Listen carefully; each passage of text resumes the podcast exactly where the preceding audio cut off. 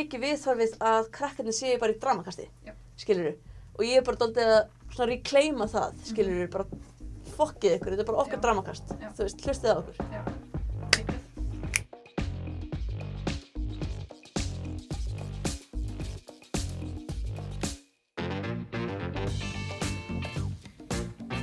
Þegar fólk tekur þá ákvörðun um að vera vegan vegna siðfyrir eða umhverju sjónum með það, eru oftar en ekki tvennskunar hindranir sem við mæta, svona allavega að minnstakosti.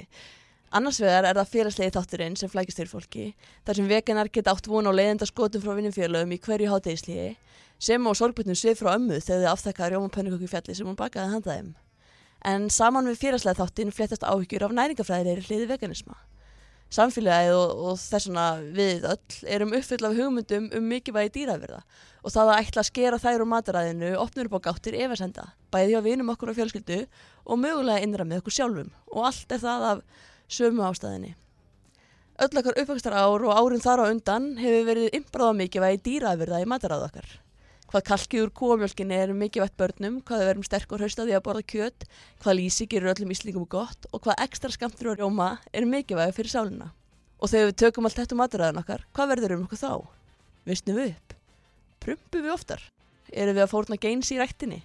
Munum við vinnumfélagarnir einhvern tíma að lefa okkur að fá svo mikið sem nefrensli að þess að skella skuldinu á veganisma?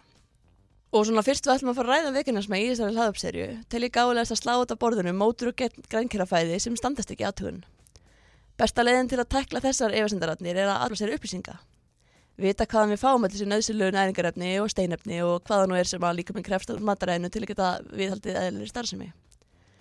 Til þess að renni við það helsta hvað þessi mál varðar fekk ég Guðrún Ósk Marjastóttir með mér í stúdíu þetta en Guðrún, hún er næningafræðingur, hún er gæðastóri jöm og síðast er ekki síst er Guðrún vegan. Og fyrir áhuga sama þá er Guðrún með vegan næringanámskeið og allar helstu upplýsingar um það námskeið má nálgast á Instagram á atgo niðurstrykk heilsa og svo er líka e-mailið þeirra goheilsa at goheilsa.is go eins og, eins og go eða jafnvel eins og Guðrún Ósk svona þegar ég í það. En allavega, verið velkomin í Dramakastið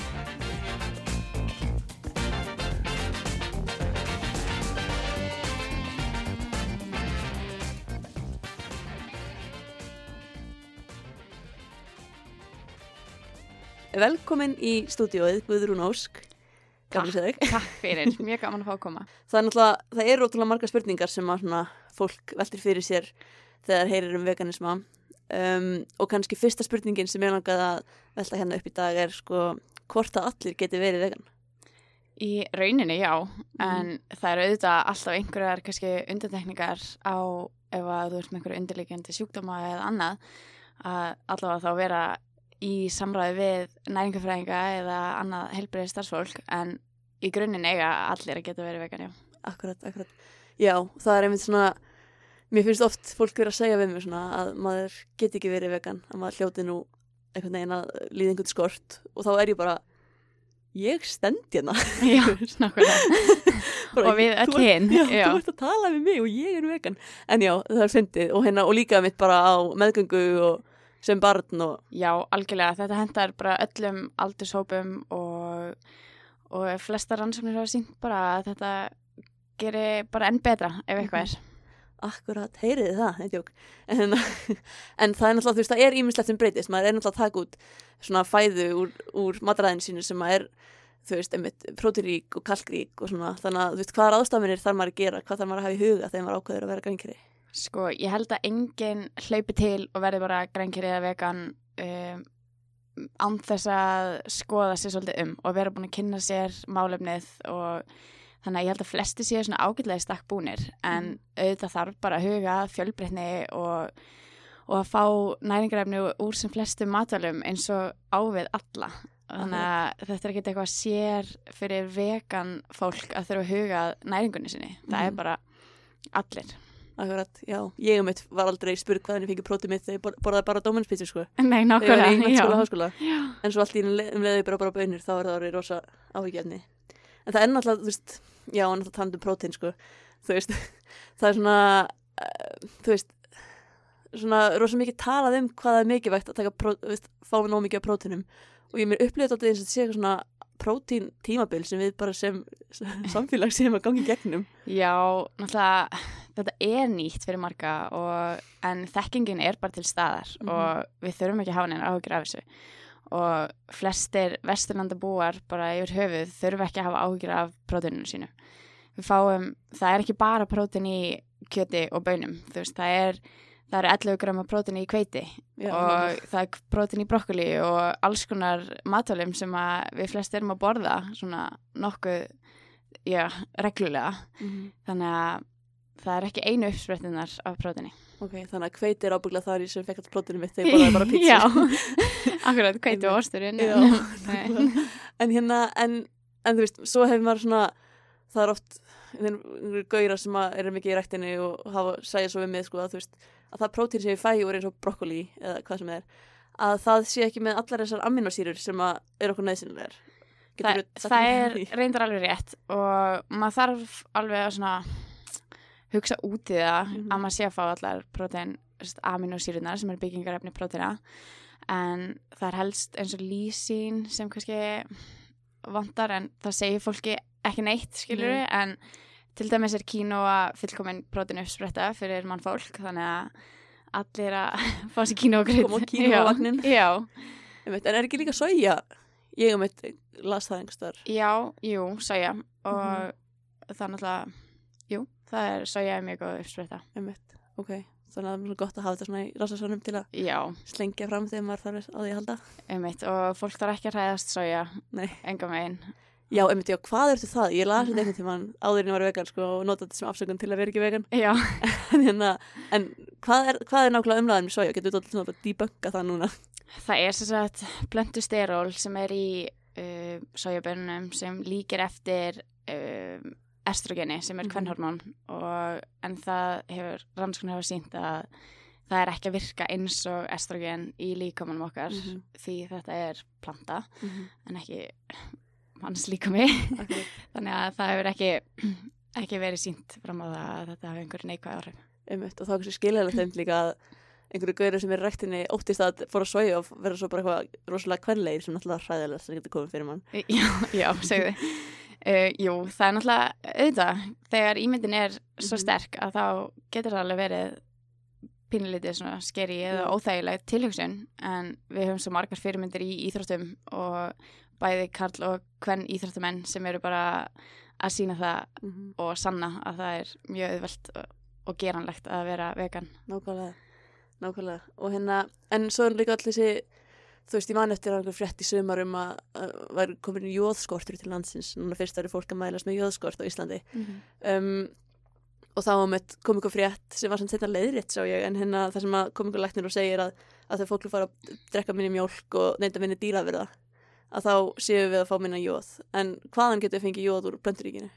Það eru ymsar uppsprettur, til dæmis uh, kartiblur og þá sérstaklega ef það eru borðað með hýðinu Svo er það náttúrulega uh, noríblöð eða sest, uh, þari eða þang sem eru mjög góð uppspretta en það eina við það er að það er svona þú getur ekki gengið að því vísu hversu mikið magna jóði er í þanginu. Einmitt. Það er breytilegt eftir því hvenar það er tekið upp, hvenar hvar það vex og svo framvegs. Okay. Þannig að en svo eru prjónuber og það eru fleiri og fleiri uh, Mhm. uppsprettur af jóði en þessi rannsókn var gerð á sagt, óléttum konum og konum með barnabrjósti og það er náttúrulega sérstakur svona áhættu hópur sem þarf að huga að jóðinu og ég myndi alveg mæla með fyrir uh, konur sem eru á barnagnaldri og eru að reyna eignast börn að verða sér út um jóðtöflur mm -hmm. og þá með þekktu jóð innihaldi þannig að það er já, Einmitt. Já, ég er bara með svona spray sem ég sprayi upp með mig. Já, sem er bara svona veg, vegan sprayi já, og þá er ég bara, ok, nú er ég góð. Já, það er náttúrulega alveg snild og, Mhm. og það er einmitt svona umræðan hefur líka svolítið farið út í það að víst þú þarft hitt og þetta þegar þú ert vegan þá ættu við ekki að vera vegan. Mm -hmm. en það er líka þannig með hefbundið matvaræði að til dæmis allir þurfa D-vitamin. Það eru margir sem ég þekki sem borða dýraverur en við erum með B-vitaminskort, B12-vitaminskort þannig að, og játskort og, og allt þetta þannig að þetta snýst allt um fjölbreytni í mataræðinu og einmitt bara að þekka hvar maður þurfi að supplementa Mhm. og fá fæðubót. Akkurat, og það er svona kannski fyrir þau sem eru að hlusta og eru svona, einmitt eitthvað svona að feta sín fyrstu spór og eru eitthvað svona hálf hrætt við þetta þú veist, hvaða, hvaða veist, supplement er þetta sem að maður þetta var að taka hvað er maður að, missa úr eða þú veist, ef maður borður ekki dýraverur eins og ég segi, þá er það díótimin fyrir alla, alltaf. Mhm. Ekki bara á vetunar, heldur líka sumrin. Því að þegar við notum til næri sólvörn eða erum í fötum, þá erum við ekki að taka upp díótimin í gegnum húðina. ég er mjög oft í fötum Já, það er flesti þar. Og sem sagt, B12 er mjög gott að supplementa með, en þú færða líka mjög vel úr til dæmis vegan ostur Mhm. er mjög oft B12 vitamin bættur til dæmis er dóttir mín mjög duglega að borða vegan ost og hún mældist, ég veit ekki 2000 valda sem hún á að vera með B12 eða eitthvað. Það, það er líka geimist í ríkamannum Já, jú, það er, já. Æ, að vissleiti allavega. Og svo er það náttúrulega, er það svolítið einstaklingsmyndið hvað þú þarft. Ef þú ert til dæmis ferð á miklar blæðingar og ert kona þá getur þurft að taka járn en þú getur líka fengið þér járnríkt græmiti sem er þá grænt græmiti Mhm. og uh, svo er þú veist það er fólín sína fyrir Mhm. konur sem er á batningnaldri um, en annars er ættu við að geta fengið flest úr fæðinni Akkurat, akkurat. Mér líka fannst svo áhugavert þegar ég var, enda, var að taka með fyrstu skrið sem vegan að þú veist, að lesa mig til um B12 því það var svona líka með því stærsta sem maður heyrir, Mhm. þú veist að, þú veist, B12, maður fær það úr bara jarðveginum, Já. það ekki? Og, og þannig það, komst það í dýrin hér áður, áður fyrir. Já, Já, en núna fá dýrin einmitt, með B12 einmitt. sem við sem fáum eða þeir sem neyta dýraverða fá það í gegnum kjötið Nákvæmlega, þannig að það- þegar við erum að taka B12-vitamin og það er ógslag ónáttúrulegt, Já, en þá eru dýrin sem hinn líka fá fæðbútarni. Já, mér einmitt, ég er farin að hugsa svo mikið um líka uppruna og framlýslaðferðir Mhm. og það er svo oft talað um að soja geti svo unnin vara og eitthvað svo les en ef maður hugsar um til dæmis nauta kjöt frá því að kálfurinn fæðist og við ölum hann upp á einhverju sérstökum mataræði eða fóðri og gefum hann síklarleif og fæðubót og allt þetta mér finnst það bara teljast sem unnin vara Nefnilega. og þegar við erum að stýra þessu svo brjálæslega mikið Mhm. að það er svona já, mér finnst það mjög gott til að vekja fólk til umhugsunar um hvaðan maturinn virkilega kemur og hversu Einmitt. mikið hann er unnin Einmitt, og svo náttúrulega þetta með síklarleifin, þú veist, er að bara ógnandi núna, þú veist, varandi heilbriðismál á já, algjörlega og það er bara mjög óhugnalegt að hugsa til þess. Mm -hmm, komur eitthvað svona súper bakterjur mm sem að lifa af allt og já, veirur og eitthvað. Einmitt, þannig að einmitt, veist, uh, það er líka þetta organic pælingin, veist, að það sé ekki þessi hérna, það sé ekki mikið spreyjað eiturefnum á, þannig að við akkurat séum að fá taka inn já, til að venjast og höfum að hafa bara, þarfandur okkar séu góðum svona. algjörlega og það er einmitt alltaf að koma betur og betur ljós hversu stórt hlutverk þarmaflórun í okkur Mhm. skipar í bara okkar eigin helbrið og, og getur okkar til að takast á við sjúkdóma og ekki þróa með okkur sjúkdóma Mhm. þannig að það er mjög mikilvægt Einmitt, og þannig komum við kannski inn á svona punktinn hvað var það svona hvernig uh, plant-based mataræði, grænkerafæði getur einmitt verið svona fyrirbyggjandi í sjúkdómum og Já. þá einmitt veit næst hvað það er trefjaríkt. mm, algjörlega, trefjaríkt og næringaríkt og, Mhm.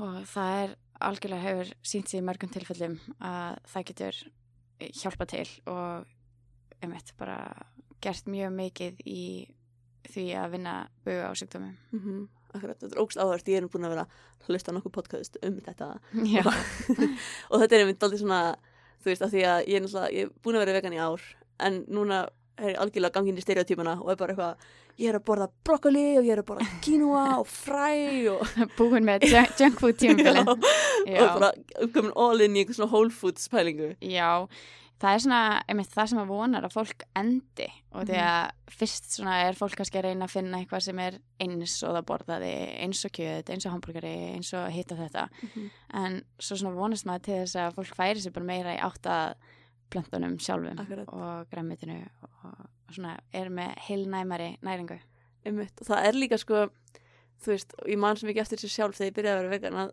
maður er svona alltaf að reyna að þú veist, reyna að finna ekki fyrir transitionin, Mm. verður bara að geta að fá með pítsu nefnum bara með öðruvísi osti og með sólþurglum tómutum en ekki brokkoli. Eða ek- ekki pepperoni ég get ekki sem sagt það þetta á nafn.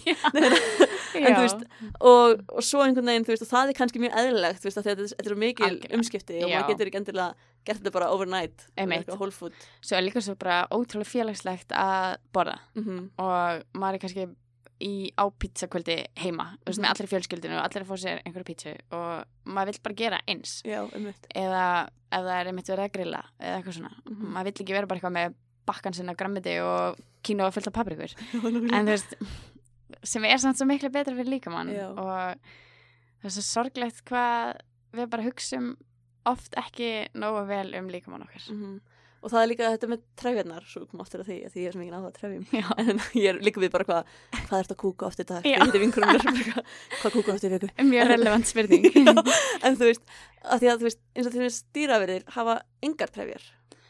Og, og þú veist og þegar við erum mest um þess að borða dýraverið þá erum við bara að fá einhver örfa grömma trefjum bara úr seríusun okkar eða eitthvað algjörlega. Og það er bara það sem hefur sínt sig að flestum Íslendingum vantar grammiti í matræði sitt og Mhm. trefjar þar alvegandi og bara eru langt frá því að ná settum viðmiðum Mhm. sem að við svona, bara flestir ættu að taka til sín og reyna að breyta sem, og þetta er svo auðvelt að koma grænmiti inn í matræðið það er til dæmis margt grænmiti sem inniheldur mjög lítið af hitaeiningum og Mhm. þú getur bara borðað endalist af og ert þá að fá svo mikinn ávinning Mhm. að það er bara já, ótiljandi ástæðir til þess að borða meira græmiti Akkurat og líka einmitt sem fylgir græmitinu er allir vökvinn sem er Já. í því og margir einmitt gleyma því að drekka nóg yfir daginn og það að borða græmiti getur alveg gert helling fyrir þig Mhm. varandi það.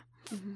Akkurat þannig að það er ma- margt að hugsa um þegar kemur að þessu og svona margt þá er ekki að hugsa um sem var kannski mögulega að ofgera Algjörlega. Algjörlega og ég held að fyrir flesta þá er þetta kannski smá erfitt fyrst á meðan maður er kannski að einmitt prófa sig áfram með að vegan væða sínar uppskriftir Mhm. og það sem maður sjálfur er vannur að borða en svo þetta er þetta bara inn í rútinu og flestir ná sér bara á gott steg Akkurat og það er líka mitt þú veist þegar maður tekur svona stórt stökk í trefja endtökunni sinni þú veist maður er kannski að fara úr einhverjum 20 gramum á dag yfir í 50 eða 60 eða Já. 100 eða hvað sem það er skilur þá ég tók eftir þessu fyrst eftir ég var vegan og ég ætla bara að segja þetta núna bara live radio að þú veist ég var farin að prumpa miklu meira og með allt annari lykt og ég var bara eitthvað Jésús þú veist, var ennþá freka fordóma fyrir þessu þú veist og var bara eitthvað er ég núna að fara að vera bara þetta gengur ekki bara ég nenni þessu ekki Nei. en þú veist svo bara gengur það yfir eða.